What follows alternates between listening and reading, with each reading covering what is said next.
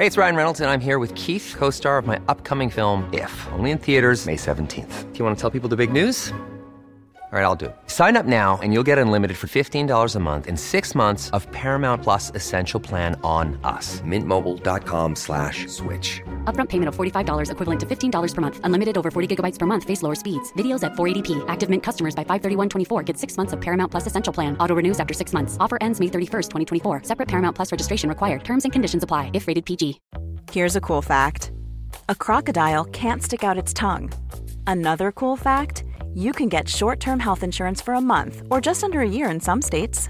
United Healthcare short term insurance plans are designed for people who are between jobs, coming off their parents' plan, or turning a side hustle into a full time gig. Underwritten by Golden Rule Insurance Company, they offer flexible, budget friendly coverage with access to a nationwide network of doctors and hospitals. Get more cool facts about United Healthcare short term plans at uh1.com. Hiring for your small business? If you're not looking for professionals on LinkedIn, you're looking in the wrong place. That's like looking for your car keys in a fish tank.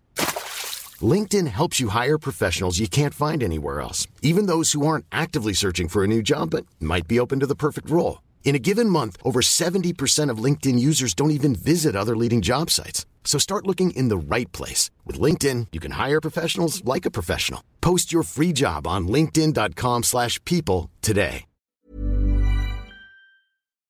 Gjenklang.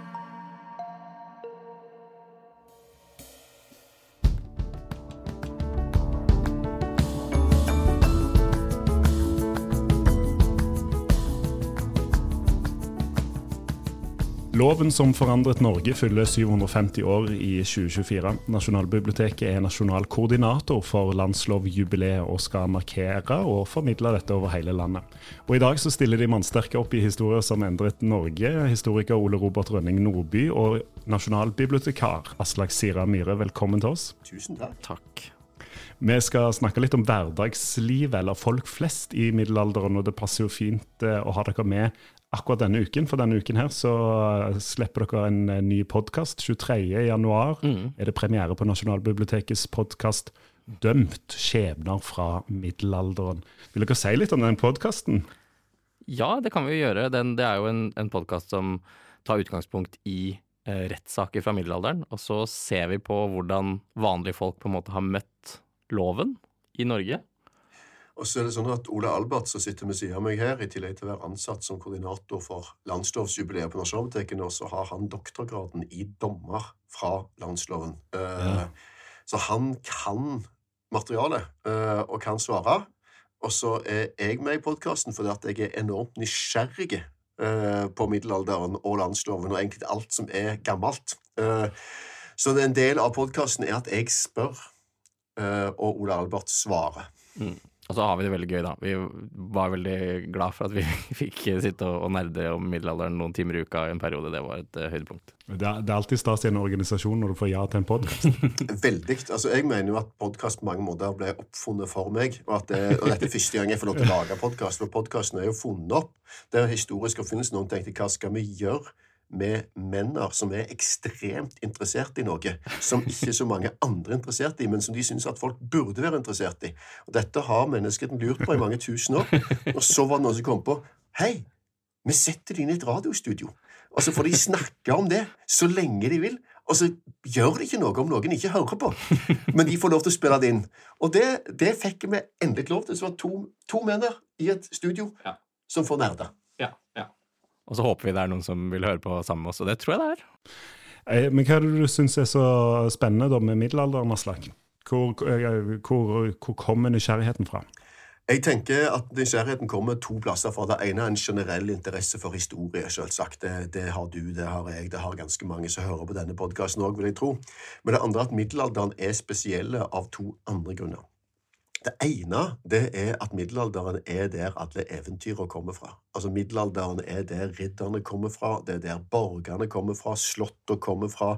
Det er hester og lanser, det er store slag, det er kjærlighet, det er ballader, det er Robin Hood, det er korsfarer. Altså, Middelalderen er på en måte, som noen sier, er Game of Thrones. altså All fantasy baserer seg på enten Romerriket eller middelalderen. Det er ingen som lager fantasy basert på 50-tallet eller eh, Kina i 1890-åra. Det handler på en måte om de tingene her. Så det har eventyret i seg. Det fascinerer i seg sjøl. Men så er den andre sida at middelalderen i Norge er ekstremt spennende og samtidig veldig lite kjent. Og Det er mitt utgangspunkt for at, at det er vits i å lage podkast. Det skal være alvorlig på dette og snakke om det. At vi i Norge vi kjenner vikingtida relativt godt. Uh, vi har sett vikingskipene på bilder eller live. Vi vet om gravhaugene. Vi har hørt om at vi var i Harald Hårfagre eller Hardråde eller Olav den hellige. Kanskje til med normannerne og Rollo og andre ting. Vi vet om slag og krigene, og det er det vi har en idé om historien vår. Og så er egentlig neste stoppested i vår historieforståelse det svarte svartedauden.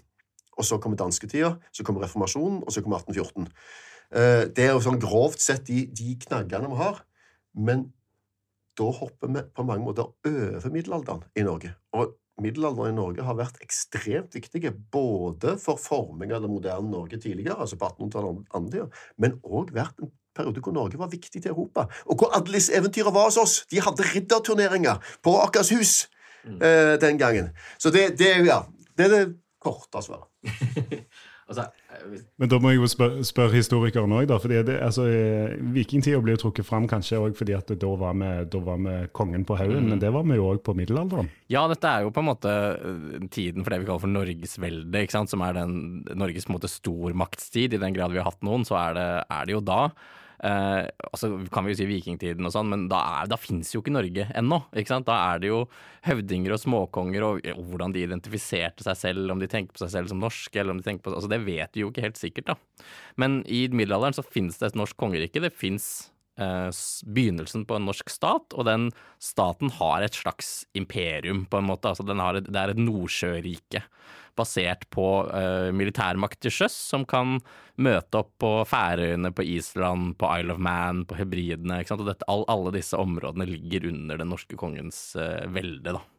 Hvis vi bare får supplere en ting der som, som vi ikke har fått snakket om i podkasten men som vi kanskje kan få snakke om her en annen gang, det er at på et tidspunkt her eh, så, og det er vel under en av sønnene til Magnus Lagerbøte, som lager landsloven, så klarer altså en norsk diplomat å dra til den franske kongen. altså Det ekte Frankrike, det store, flotte Frankrike, de trenger hjelp fordi at de er i krig med Spania. Der er det bl.a. maurer og muslimer og andre, de sliter. De prøver å bygge allianser. Han inngår en avtale med den franske kongen i en krig, den store krigen i Europa, med eh, muslimer, arabere, berbere osv. Denne avtalen går ut på at Norge skal stille en hær med 50 000 mann på båter, Leidangen, på Leidangskip, som skal komme og kunne støtte eh, den eh, franske kongen i krigen. I bytte for det så skal Norge få et gitt antall eh, penger. Da, vet ikke hva de heter pengene i Frankrike på det tidspunktet? Nei, det vet jeg ikke, men det er mye penger. Det er tre kister eller noe sånt. Kjempemye. Vi skal få jækla mye, og han, diplomaten som er ute, han kommer da hjem med ei kiste med 6000 daler i sølv i forhåndsbetaling. Og Det fascinerende her er at dette kan du altså betale for. Så, så stort er Norge at du kan ha det inn. Men det andre er at dette er òg umulig. For den landsloven vi skal snakke om i podkastene, den forbyr den norske leidangen å dra ut forbi Norges grenser. Så det, det, det er bare bløff.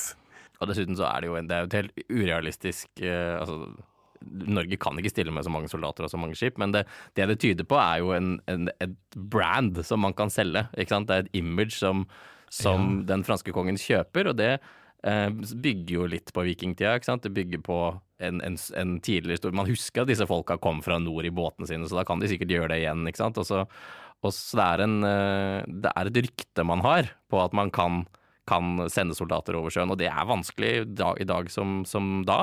Og det kunne den norske kongen. Det er jo reelt at han kunne det. At han kunne stille 50 000, det er ikke så reelt, kanskje. men men er, men er, det den pondusen òg som gjør at man har selvtillit nok til å trumfes gjennom en sånn landslov, da? Ja, landsloven er jo ikke helt den første riksdekkende loven i Europa. Det kom jo to tidligere, på Sicilia og i et kongerike i Spania som heter Castilla. Men de er i veldig stor grad teoretiske øvelser. Begge de lovene er um, uh, lover, lover, som i liten grad blir brukt. Men det som er unikt med landsloven, er for, for det første er det den tredje riksdekkende lovboken i Europa. Det er i seg selv ganske stort. Men for det andre så er det den første som ser ut til å bli brukt i praksis. Og den blir brukt i praksis i 400 år. Altså det er dobbelt så lenge som Grunnloven har, har vært i kraft i Norge. Det er en et dokument, og jeg pleier å si at dette er det dokumentet som har, som liksom har vært viktigst for vanlige mennesker i Norge over lengst tid, kanskje unntatt Bibelen. Uh, og det er, det er den størrelsesordenen vi snakker også. Dette er et enormt viktig dokument i norsk historie, som har fått ufortjent lite oppmerksomhet, og det prøver vi jo på å rette på nå, da. Og så er det klart, som du er inne på, at det er et et, en lov som springer ut av en veldig ambisiøs statsmakt, som ikke har eksistert i vikingtiden, men som kommer i middelalderen. Det er en kongemakt som skal markere seg som lovgiver, som, eh, som en institusjon som vil på en måte gripe inn i livene, i hverdagene til folk. Styre, regulere og, og forme eh, landet på en helt ny måte. Og det som eh, Ole Albert er inne på her, eh, som han sier, som at denne loven trer i kraft. Det er noe av det du spør meg. Så hva er det som gjør at av alle plasser så er det Norge som får til dette, som får en lov som virker?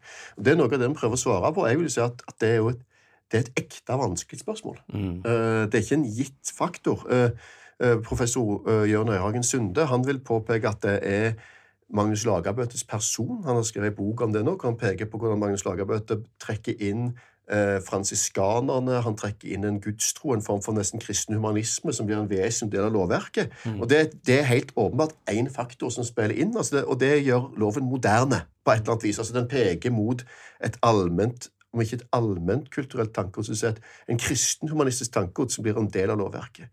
Og så kan du samtidig si at du har òg det helt motsatte, eh, som òg gjør at loven virker. Det at du har i Norge en ganske tung tradisjon for styring. Eh, og demokratisk styring. Ikke i vår forståelse av demokrati, ikke sånn som vi oppfatter det, men folkelig styring. I form av medbestemmelse. medbestemmelse I form av tingordningen. Selvstyre. Mm. Eh, og da vil jeg spekulere i at ja, det kan f.eks. skyldes geografien vår.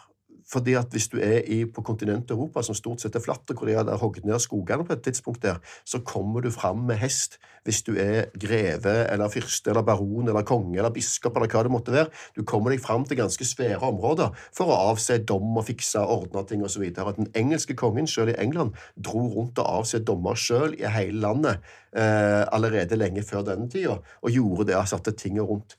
I Norge, hvis du skal reise hvis du skal styre i hele Norge, fra Hålogaland og, og til eh, Bohuslän, eh, ned i dagens Sverige, eh, og reise og gjøre det sjøl, da reiser du altså, du, du, når ikke fram engang.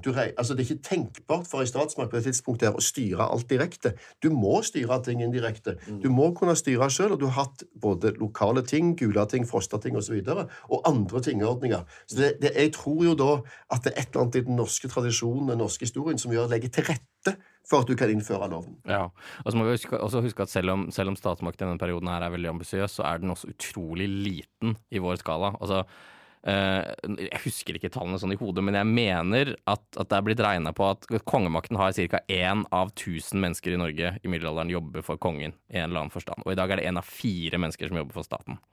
Så vi må tenke at liksom statsapparatet her er knøttlite i forhold til det vi tenker oss i dag.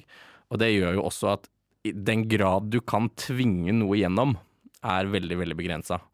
Og det, det, ser vi i landsloven, og vi ser det i hvordan landsloven blir brukt. Vi ser det i landsloven fordi den må basere seg på lokal, eh, lokal liksom, deltakelse i lov og rett. Landsloven fungerer ikke hvis ikke det norske bondesamfunnet er med på å bruke den og håndheve den.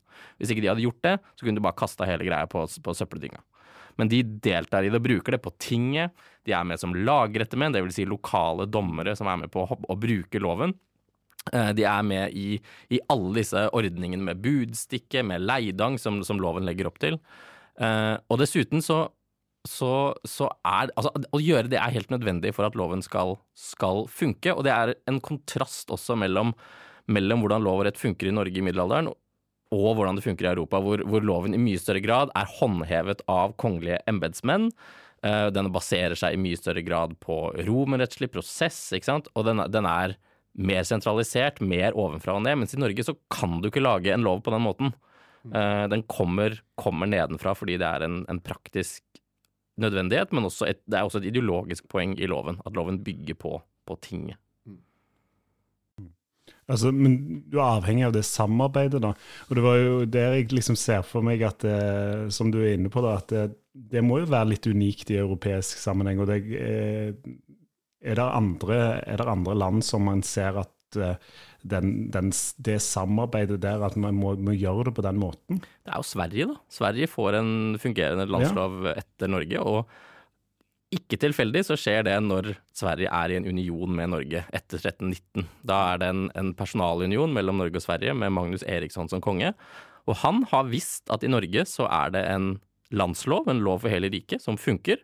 Og sånn vil han ha det i Sverige òg. Og får på plass den svenske landslagen, som er veldig tilsvarende det norske på mange måter, og, og innført på inspirasjon fra det. Og i Sverige så ser vi også den kontinuiteten eh, i det at kongemakten styrer, må ta hensyn til lokalsamfunnet. Eh, det ser vi jo i den svenske stormaktssiden, med riksdagene der hvor bondestanden er representert på en helt annen måte enn andre steder i Europa. Uh, dette blir jo litt borte i Norge under, under eneveldet på 1600-tallet, sånn, men, men det, er, det, er, noe der. Jeg syns du sier noe interessant, Ole Albert. Nå er vi på vei inn i pod, vår egen podkast. Det, det, det, er sånn vi snakker. men men det er noe interessant det du sier der, for at på en måte skal prøve å forstå denne loven i Europa, hva det er og hva er bidraget. Det har jeg prøvd å gjøre som ikke er rettshistoriker, da, og ikke kjenner rettshistorien. Så hva, hva, er bidraget? Så har jeg tenkt det første som jeg har tenkt, at dette må jo være det norske Magna Carta. Eh, og ikke betydning at det er det samme som Magna Carta, men tenk at når, du, når jeg var på British Library for første gang og så at de hadde stilt ut Magna Carta, så så jeg to ting. Det ene er at det er et fantastisk dokument fra middelalderen. Eh, eh, og det, jeg blir helt sånn religiøs og salig, for jeg har lært om det på skolen og sitter på film og alt sånt. Men det andre er at jeg ser et manifest over et, noe som ble grunnleggende viktig for hele Europa etterpå og som er at Magna Carta er en avtale mellom kongen og adelskapet, egentlig England, og stormennene, som fordeler makta, men som da har parlamentet som redskap. Altså kan du si at dette er på en måte spiren til parlamentarisme eller, eller, eller, eller stortingsstyret, sånn som vi har i Norge. Men det er i tilfelle spiren. Vi er langt unna, men, men, det er en sånn type maktfordelingsavtale som Montesquieu kommer med senere, med tredeling osv. Og, og hva er da landsloven? For landsloven er jo ikke det. Nei, for England er jo et land med adel. England er et land med, med, veldig mye adel og ridder og overskuddsproduksjon og alt dette andre. Har behov for den reguleringen i veldig stor grad. Norge har jo helt siden vikingtida slitt ganske tungt med å hele tatt opprettholde vår egen befolkning og få produsert nok mat. Uh, og, og, noe med vikingtida var at du henta gods og gull utenfra for å bygge kongedømmer internt osv. Avtale med adel, ja, du har adelsfolk, men, men du har først og fremst bønder. Norge er et annet samfunn. Så hva er det Landsloven reflekterer jo ikke først og fremst avtalen mellom kongen og stormennene, og så har vi en sånn malapopo, som er avtalen mellom kongen og kirka til sjuende og sist, men det er en regulering av det Ole Albert er inne på, som er pionerarbeid i en regulering av en stat hvor bøndene, og de frie bøndene og de delvis frie bøndene, er, er hovedbestanddelen i staten. Altså begynnelse på en form for uh, likhet for loven og folkelig deltakelse dømmes av likemenn. Mm. Og det er også litt litt spesielt med landsloven, er at en del lovverk ute i Europa opererer i mye større grad enn den norske landsloven med ulike rettskategorier av mennesker. At du har eh, bønder som har vært så og så mye, og når vi sier vært, så mener vi sant, hvor mye skal du kompensere noen hvis du dreper dem, f.eks., eller hvis du skader dem. Det er sånn, Du har en pris. Livet har bokstavelig talt en pris.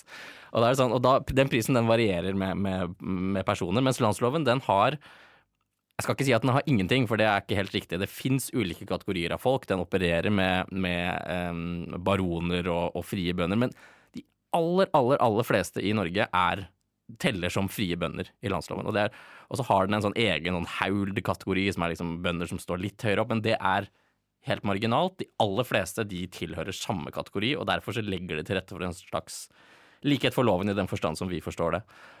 Og så kan vi jo også legge til der at landsloven vi, altså når man skrev om, om norsk rettshistorie på, på 1800-tallet, så, så, det var jo en, en eh, historieforskning der hvor de aller fleste som skrev, var eh, gamle menn med skjegg, og mange av de satt i Tyskland og hadde komfortable liksom, professorstillinger og sånn. ikke sant?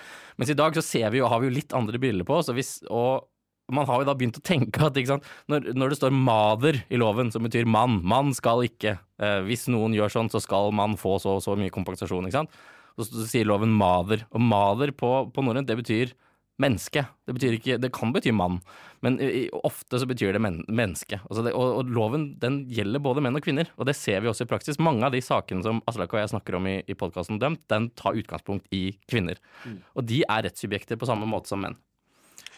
Og Det syns jeg er noe av det fascinerende òg, eh, som jeg har lært nå, da, av eh, her med, med min høyre side, Ole Albert Rønning Nordby, eh, som altså har doktorgraden på dette og kan de dommene, og, og, og må jobbe på Nasjonalbiblioteket. Det, si at, eh, det er reelt sånn, sånn at ideen om en fri norsk bonde, at det er annerledes i Norge enn f.eks. England og Frankrike, er ikke bare et påfunn fra nasjonalromantikere og statsbyggere på 1800-tallet. Det finnes reelle spor av det. Men viktigere enn det, og nytt for meg, er at det er faktisk sånn at hvis du studerer denne loven, og så ser du på kvinners stilling, så oppdager du at det er forskjell, og det syns jeg er interessant. Det er forskjell på kvinners stilling under denne loven i Norge og det som er vanlig på kontinentet. Det er rett og slett det. Og det er så stor forskjell at når du kommer til 1670-1680 ca., og Kristian 5.s lov erstatter landsloven som, som basislov i Norge, så er det på en del felter hvor kvinner får dårligere rettigheter mm. enn en middelalderlov. Mm. Uh, for barn og fattige er det mye av det samme. Og Det åpner for meg en slags dør som ikke bare er til rettshistorien, men som er til hva slags samfunn er dette? Mm. Altså, Hva er det som gjør at du i Norge på det tidspunktet rundt 1274, i tida fram til 1274, når du skal lage en landslov, og dette kommer inn, så lager man en lov som sier at hvis du sulter og har prøvd å få arbeid og ikke får det, så skal du ikke straffes for å stjele mat til deg og familien din hva, hva, er det som gjør at man gjør det akkurat her?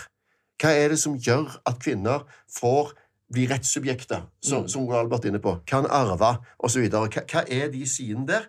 Og det tenker jeg at Da er loven ikke bare rettshistorie, da er loven en åpning mm. til samfunnet. Uh, og det er det vi prøver å snakke om i podkasten vår. Og til historie i det hele tatt, ikke sant? Fordi vi lever jo i på en måte høymodernismen på mange måter. Vi tenker at historien, den går fremover. Og jeg tror at, at mange jeg, og Nå skal jeg snakke litt sånn, litt sånn rett fra levelet her, men jeg tenker at mange som, som lever i dag, har, tror jeg, problemer med å forholde seg til, til kriser, globale kriser. Det er, bare, det er jo mange å velge mellom, for å si sånn. Eh, fordi man tenker at det kommer til å ordne seg, fordi historien den går jo fremover. ikke sant? Men du, hvis du ser tilbake og ser at her var det en lov som på mange måter var bedre for de svakeste i samfunnet enn den loven som er etterpå, da er ikke historien bare fremskritt. Da er det en, en, en, en tidevannsbevegelse der hvor noen eh, Det kan være bra, det kan være dårlig, og at, og at den historien må vi forme sjæl. Vi må være med på å gjøre, sørge for at historien blir bedre. Det går ikke av seg selv. Vi må, vi må gjøre det.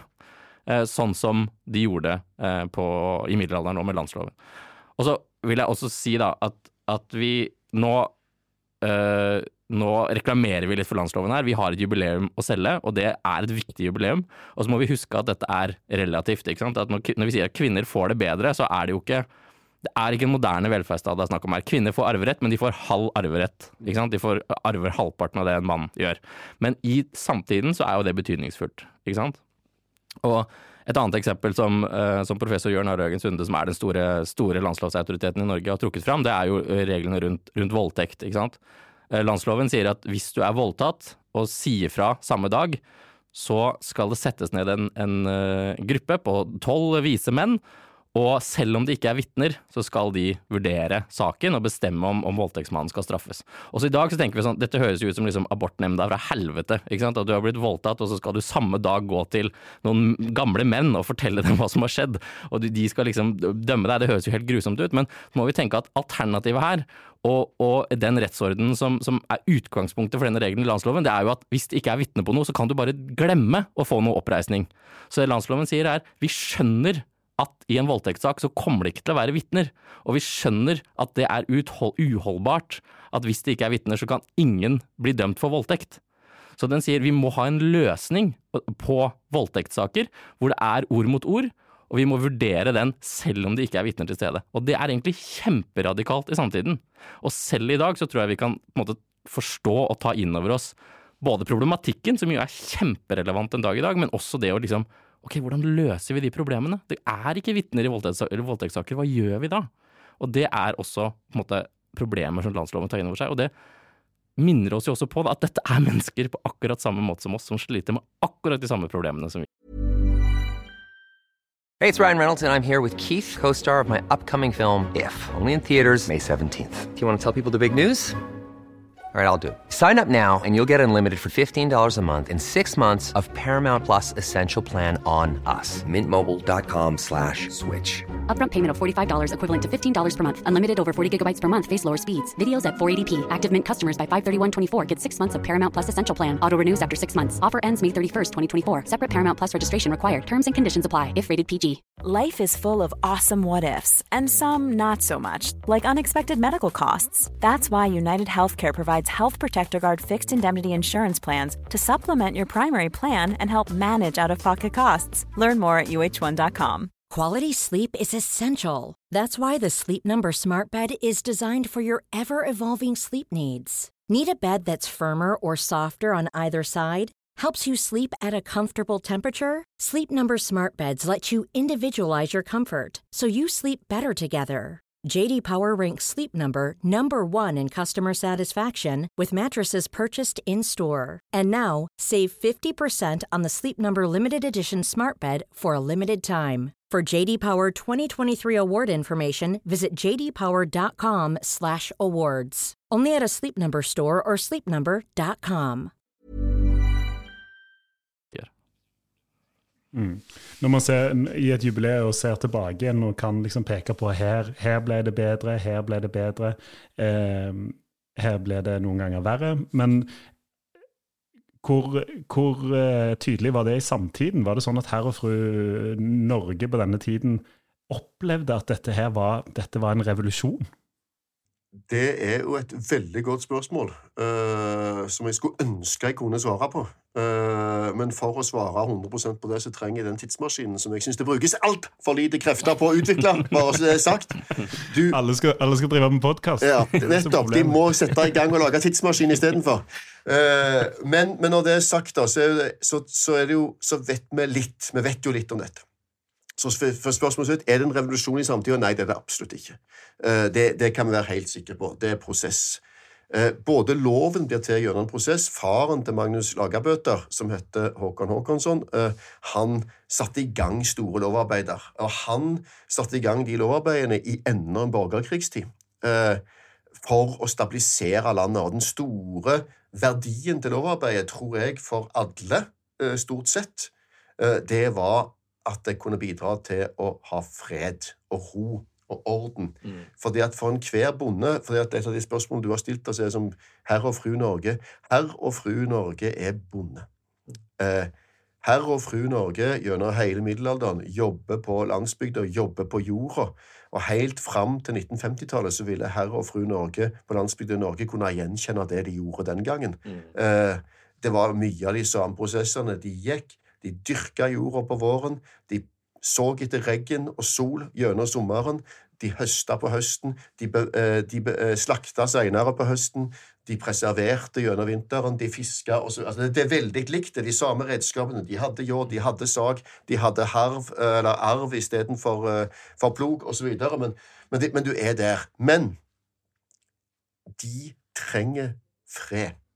Ikke fordi at de er opptatt av stormaktspolitikk og hvem som vinner, men de trenger at det ikke er noen som plyndrer og brenner bygda deres neste sommer. De trenger at hvis de legger ned et stort arbeid for at sønn og datter skal få et bedre liv, så kommer det ikke en eller annen og bare stikker av med det dagen etterpå. De trenger å kunne sette opp grensesteiner så de vet at står for generasjoner. De trenger å kunne kjøpe og selge varer til samme prisen hver gang. Og lovarbeidet for de, nå kan Ole Albert arrestere meg, men jeg tror at for de fleste så var det å få lov, å få lik lov osv., det handler om stabilitet og orden og forutsigbarhet i livet deres, i, i, i på en måte kontrast til ei borgerkrigstid som har vart i 100-120 år før det. Mm. Så må vi også huske at, at landsloven, eh, selv om den er ny, og det som er nytt med den, er jo at det er en planlagt kongelig lov som dekker, altså skal regulere hele samfunnet, men den bygger jo på gamle rettsregler også.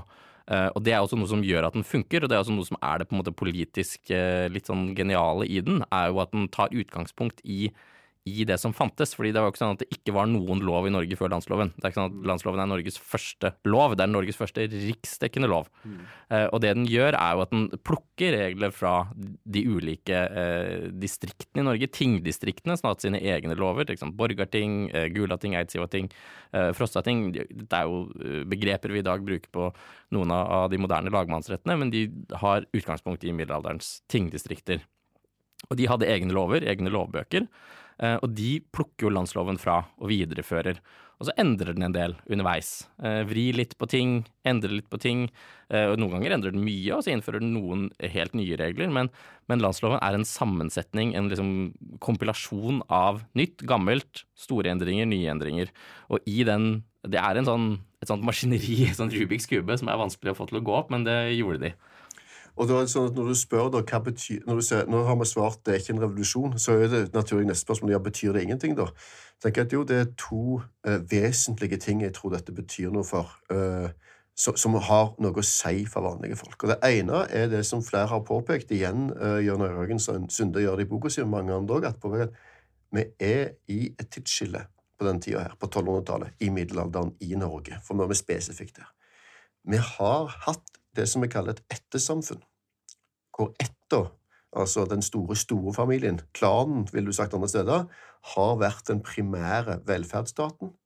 Det har vært den primære økonomiske enheten, og det har til dels òg vært den primære juridiske enheten, i betydning at hvis du ser til de islandske tingtradisjonene som er mer dokumenterte enn norske, så ser du at, at det står i veldig stor grad etter mot hverandre, hevnprinsipper og andre ting. Nå er vi i en situasjon hvor kristendommen har ikke bare fått fotfeste, men etablert seg som religion. Vi ser at økonomien er i endring, og vi ser at etter mister sin rolle. Den, det betyr ikke at familie ikke er viktig. Det betyr ikke at vi går til kjernefamilien og adoptivbarn og, og, og, og kunstig befruktning. Det er ikke det som skjer. Men det er ikke lenger sånn at du tar vare på dine seksmenninger. Det er ikke lenger sånn at dine seksmenninger, hvis de på en måte ikke har mat, kan komme til deg og bare få det for å rekke opp hånden og vise navnekortet sitt. Det kom et fattigdomsproblem i Norge på den tida, for det var også frie treller samtidig. Slavesamfunnet er òg forbi.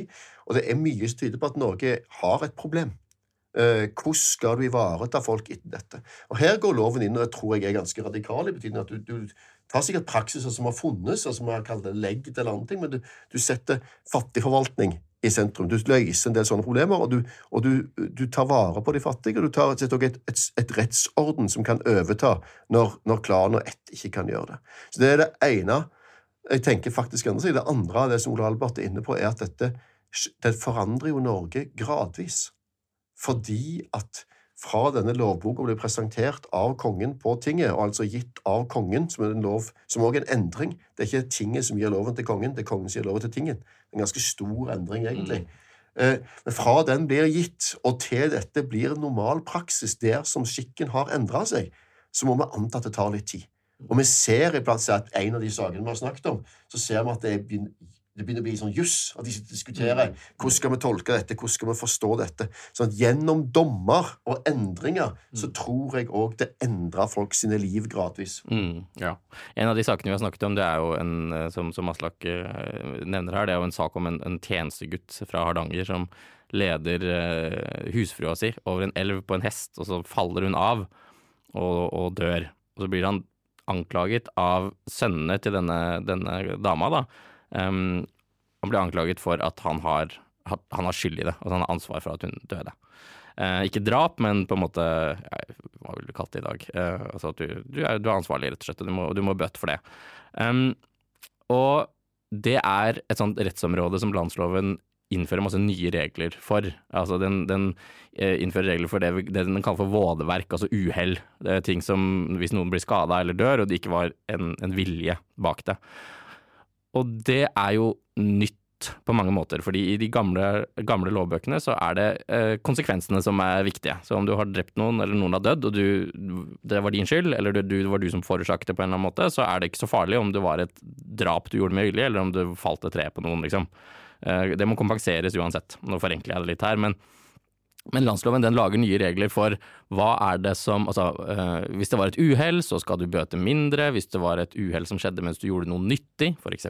lede en dame over en Eller på en hest, så skal du bøte enda mindre, ikke sant. Så, så det, den, det den gjør, og det som er på en måte starten på den på måte sånn juridiske tankegangen her, er jo at det er ikke bare et mekanisk system der du putter inn forhold, konsekvenser på den ene siden, og så får du nye konsekvenser ut på den andre siden. Det er et system der hvor du må i mye større grad reflektere rundt hva var motivasjon, hva er omstendigheter, eh, og, og alt blir så mye mer komplekst, da.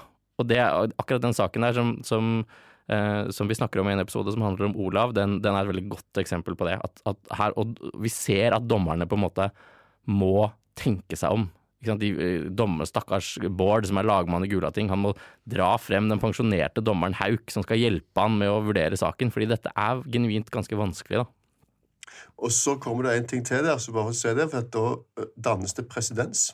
Eh, og, og vi har bevart altså På Nasjonalbiblioteket så har vi to manuskripter fra middelalderen av Magnus Lagabøtes landslov. Nå har vi lånt inn tre-fire tre fra rundt omkring i Europa. Til sammen er det bevart opp mot 40 hele manuskripter, uh, flesteparten av de fra middelalderen. Og så har vi i tillegg en god del fragmenter. Og Når du ser på en del av de dokumentene blant annet, et som kommer opp til, til Nasjonalbiblioteket nå, som heter Kod Codex Tønsbergiensis, tror jeg, altså Tønsbergboka, ville du sagt på norsk, det er lovboka fra Tønsberg. Eh, og det har vært i bruk i ca. 200 år, vet vi i alle fall at den må ha vært i bruk. Der er landsloven og byloven, og der er kristenretten, og der er alt, alt er nedskrevet. Men noe av det som er kult når du ser på det dokumentet, du ser at der har òg de ulike lagmennene så det tatt notater. Og skrevet i margen, kommentert, ført på nye lover, refererer til dommer som er gitt andre plasser. Altså, du ser at dette er dynamiske dokumenter i bruk, for det første. Eh, Det andre at du ser at det endrer seg. Og da dannes det, og det er det jo rett og slett presedens, sånn som jeg vil oppfatte det nå. ikke sant? At ja, det er presedens. Den dommen sier sånn, da er det for alltid sånn som det er. Og det er jo det som vi ser, da, blant annet med han her Olaf, at når det blir dømt, at ja, men han er uskyldig. Han skal ikke ha noen straff. Ja, da er det en god grunn til å tro at det blir skrevet ned og, og distribuert. At folk får høre ja, ok, nå dømmer vi sånn. Fra nå av er det sånn.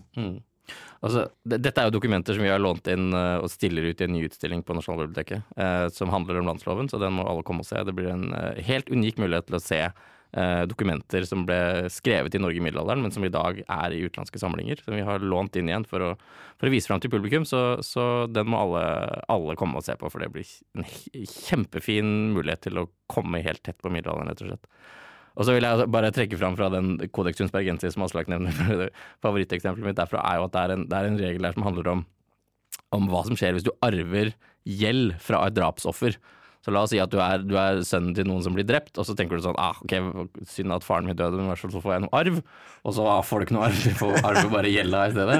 Uh, så sier denne regelen i landsloven at ah, ok, den stryker vi, du skal ikke betale. Uh, gjelda, du arver ikke gjelda, liksom. Eh, og da er det en lagmann fra 1500-tallet som har skrevet i margen Dronning Margrethe likte ikke dette. Så dronning Margrethe, store, store politiske figuren i Norge på 1300- og 1400-tallet, hun eh, har uttalt seg eh, tydelig om dette greiene i landsloven. Det var bare tull.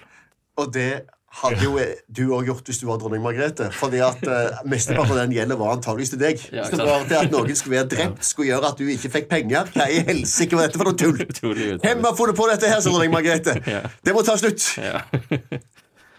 Ja. Men er bare et spørsmål nok, fordi altså, eh, kristendommen er jo veldig tydelig, og er jo liksom eh, Du nevner det òg i forbindelse med denne loven av religion og sånt. og Kristendom er jo kanskje òg på mange måter litt tettere på, på livene til folk enn det en, en landslov vil være. Eh, hvordan eh, lever disse eh, altså Kirkens regler og den nye landsloven, hvordan lever det inn i hverdagen på folk eh, utover i historien? Dette er jo litt fremmed for, for oss i dag, at, at middelalderens uh, rettssamfunn det er jo et samfunn som er delt i to. Vi tar for gitt at, at eh, statens ansvar å deale med lov og rett. Men i middelalderen så er det dels statens, dvs. Si kongemaktens ansvar, og så er det dels kirkens ansvar. Så det er to jurisdiksjoner, som vi sier, to ulike områder, eh, hvor kirken skal ha ansvar for det som har med det evige liv å gjøre. Eh, og det er kjempemye. Det er eh, fødsler Nesten det meste, egentlig. Nesten. det. Og det er det som har med dagliglivet å gjøre i veldig stor grad. Altså, kongens regler har også Ja. med dagliglivet å gjøre, men det er det som har med på en måte, det intimt personlige å gjøre. kan vi si, ikke sant? Det er fødsel, det er farskap, det er hva du spiser, når du spiser, når du jobber, hvordan du skal begraves, uh, uh, hva du kan testamentere og ikke testamentere, hvordan du skal sverge på noe. Liksom kjempemye som har å gjøre med, med det kirkelige. Og dessuten så vil jo kirken også dømme i de sakene som har med kirkens ansatte å gjøre. Så vi må huske at denne perioden, her så har biskopene har sine egne domstoler. Alle biskopene i Norge har det, som de dømmer i, hvor biskopen er dommer. Eh, Og der vil de dømme alle prester. eh, vil, og, og ikke bare prester, men munker og alle som er ordinert på en eller annen måte, har en rolle i kirkehierarkiet. Og de vil dømme alt som har med kirkens eiendom å gjøre i tillegg. Og så må vi huske at kirken i denne perioden her, den eier halvparten av all jord i Norge. Så kirken krever en liksom, enorm del av jurisdiksjonen her. Og med jurisdiksjon så kommer det bøteinntekter. Så kirken tjener seg også ganske rik på å, dømme i disse sakene. Og så er det konflikter da, ikke sant, mellom kongemakten og kirken om hvem som skal bestemme hva, og landsloven er på mange måter et produkt av den konflikten. Landsloven springer ut av en konflikt mellom kirken, og kongemakten om hvem som skal bestemme over hva. Eh, De gamle lovbøkene i Norge, det vi kaller landskapslovene, de har en egen del i begynnelsen som heter en kristenrett, som er reglene for disse tingene, hvordan du skal døpes og hva du skal spise og når du kan jobbe og sånn. Men landsloven har ikke det, fordi landsloven måtte innføres som et kompromiss mellom kongen og erkebiskopen. Så der er kristenretten, de kristne reglene, er overlatt til kirken. Så her er det altså, Når du spør da, altså hva har betydning for, for uh, hvordan lever folk? Altså, hva, De går rundt og tenker på Gud, og går de i kirka og snakker med Gud, og så får de høre hva de skal gjøre og ikke gjøre. Så tenker jeg at det er det òg den måten vi ser for oss kristendommen i middelalderen, den er egentlig tror jeg, ganske ubrukelig. Og, og i disse podkastene så spør jeg Ole Albert mye om dette, og vi diskuterer en del òg, for det er ikke så lett å vite. Men, Mm. men, men det er liksom noen sånne viktige merkesteder vi må ha med oss. fordi at vår idé om å være kristen er ekstremt protestantiske for de fleste av oss. Vi har sånn, Det er meg og Gud, og har du vært snill eller har du vært slem? Gud vet når du legger deg om kvelden, du folder hendene og ber, og så, så gjør du opp det. Altså, det, det, det er kristen, det er en protestantisk, pietistisk forhold direkte mellom deg og Gud. Det eksisterer for de fleste ikke i middelalderen. Hvis du har det, så er du enten prest, eller så er du kjetter. Eller helgen, eventuelt. Eller helgen eventuelt, ja. Det er en mulighet. Det, det, har du helt rett i. Der er det en god mulighet. Men, men ellers er det fordi at uh, i utgangspunktet så er det, er, det- er den katolske kirka vi snakker om i Norge. Det er ei kirke som har ritualer og ordninger og prester og ansatte for det meste. Eh, Det er et samfunn med klostere. Eh, Det er et samfunn med ganske innfløkte regler for hva du skal gjøre og ikke gjøre. Men det er òg en ganske verdslig kirke. Det er ikke ei kirke som går og krever av deg at nå skal du tro ekstremt mye akkurat nå og angre noe helt sinnssykt inni deg. Hvis du skal angre, så skal du gjøre det gjennom bøter, gjennom pilegrimsreiser, gjennom ting Ave Maria, gjennom ting du gjør, altså innenfor en annen tenkning. Men det er altså oppgangen mellom hva er kirke og hva er, stat, ikke så mye hva føler du inni deg. Det er mer hvem har rett til å dømme deg. Er det biskopen som har rett til å dømme deg for dette, eller er det kongen? Eh, der, er- jeg, altså, jeg tror det var mye mindre eksistensielt og mye mer praktisk, det Ja. spørsmålet du stiller, rett og slett. Ja, og, og, og noe vi på en måte oppdaget litt sånn gradvis når vi, når vi satte oss ned for å snakke om alle disse rettssakene, var jo at et sånn gjennomgående tema i, i samtalene våre var spørsmålet om eh, forholdet mellom teori og praksis. Altså at, at vi har disse lovene som sier at sånn og sånn skal det være, bør det være, normative tekster, ikke sant. Og så hadde vi tekster som sa hvordan ting ble gjort i praksis.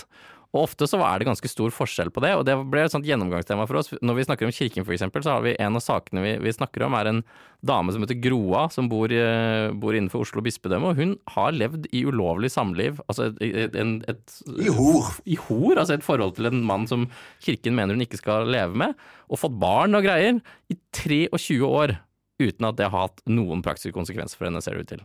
Så hun har bare, altså hun har bare ikke brydd seg om kirkens regler. Hun har ikke fått gå til kirken, og, og hun har ikke fått eh, delta i sakramentene og sånn, men det har ikke gjort henne noe. Og så når mannen hennes dør, så kommer hun til kirken, og så gråter hun noen tårer og angrer litt, og så kommer hun inn i folden igjen. Ja. Og, det, og, og, og vi har ikke så, altså Problemet her er at vi har jo ikke eh, nettbiblioteket nb.no, hvor du kan søke i alt som skjedde, og vite hva alt som skjer, så du kan gjøre noe i moderne tid. Så fikk jeg reklamert for det òg. Det fins ikke noe sånt fra middelalderen. Så vi har jo vi er jo prisgitt de dommene som er bevart. Ja. Og det er, det er ganske få, ikke sant? Eller sånn, det er jo mange hundre av de, men relativt sett så er det få. Og vi får det er sjelden vi kan på en måte følge en rettssak fra start til slutt, sånn som vi kan i dag, hvor vi kan følge det fra på en måte pågripelse til, til straffen er fullbyrda. Ofte får vi bare ett dokument som gir et lite innblikk. Og det er helt forferdelig og jævlig gøy samtidig. For det er helt forferdelig fordi at du lurer på hva som skjedde, og hvordan dette skal se og få mer kilder som historiker, men det åpner òg rommet for ikke spekulasjon, vil jeg si, for det er, vi, vi er litt flinkere enn det, men, men til å diskutere og fantasere samtidig. sett, Stille spørsmål på hva er mulig eller ikke, hvordan har det vært? Og for meg i hvert fall, så er et av de store spørsmålene hele veien sånn eh, Fantes det ikke noen sånne som meg i hele middelalderen i forhold til Gud? Som jeg lurer på. Fantes, Ja. altså, var det sånn at alle som satt i kirka på søndagen, hørte på presten og tenkte ja, sånn må det være. Ja, ja, ja. Ja, Den hellige ånd og, og, og Jesus og Gud, det er tre, og det er helt åpenbart at hvis du ikke tror det, kommer du til helvete og, og blir brent. Det fantes ikke noen som satt bak der og tenkte Herregud, for noe svar, da. eh, og, og det kan jo ikke jeg svare på, men for meg er det liksom helt utenkelig å ikke forestille seg at det var sånn. Og så er det samtidig sånn at ja, men det er noe av det som er kult, for du starter med å spørre oss om hva er middelalderen, og hvorfor. Middelalderen er på den ene sida en plass hvor folk er akkurat sånn som oss, og på den andre sida så er det et totalt fremmed landskap hvor folk har helt andre eh, fyrtårn å navigere etter enn de som er helt tatt er kjente for oss. Ja, og ofte så er det sånn at du leser om disse menneskene, og så fremstår, i hvert fall er det sånn for meg, da, at de fremstår først fremmede, veldig fremmede. Så vi har en, en annen historie vi snakker om, det er om en sånn, om en sånn uh, jordeier som heter Grotgard. Som opp Min, min mann! Ja, Aslak er veldig fan av Grotgard. For å finne ut hvorfor, så må dere høre på episoden. Uh, og han er i en sånn nabokonflikt med noen og ender opp med å kaste et spyd på naboen sin. Altså, Umiddelbart tenker man sånn Herregud, altså.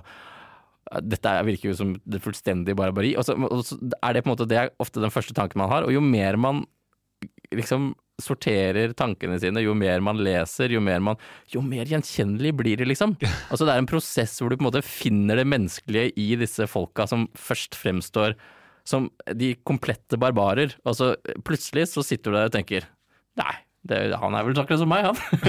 For de av uh, lytterne til denne podkasten som har samme hjemfylke som programlederen og meg, og, og så kan jeg si at Grotgard kunne fint vært bonde på Lie i dag. Ikke noe problem.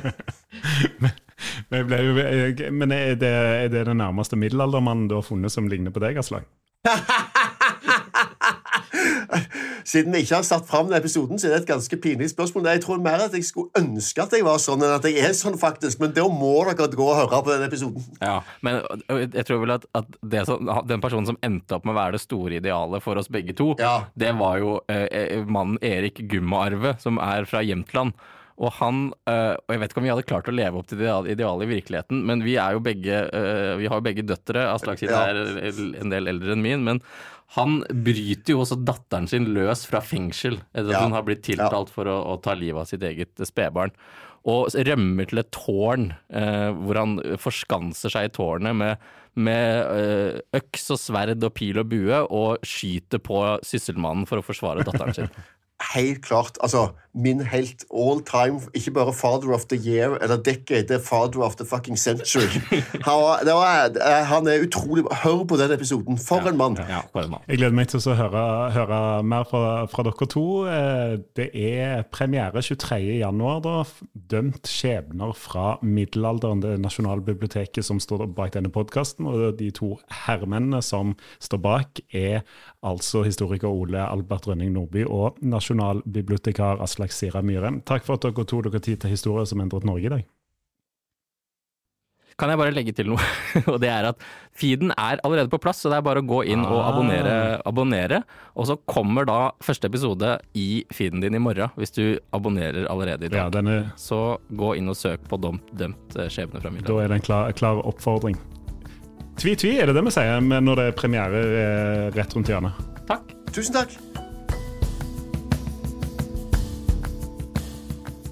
Hvis du er glad i historier som endret Norge, så vil du òg like historier som endret verden. Kollega Kristian Konglund han eh, kommer med en ny episode hver torsdag. Og nå på torsdag så kommer han med en splitter ny episode av Historier som endret verden. Ta og Sjekk ut eh, den. Du kan òg følge oss i Historier som endret eh, Norge på Instagram. Der legger vi ut bilder og videoer som er relatert til ukens episode. Der kan du også komme i kontakt med meg om du har episodeønsker eller gjesteforslag. Ta og send meg en melding på Instagram. Historier som endret Norge. Gjenklang.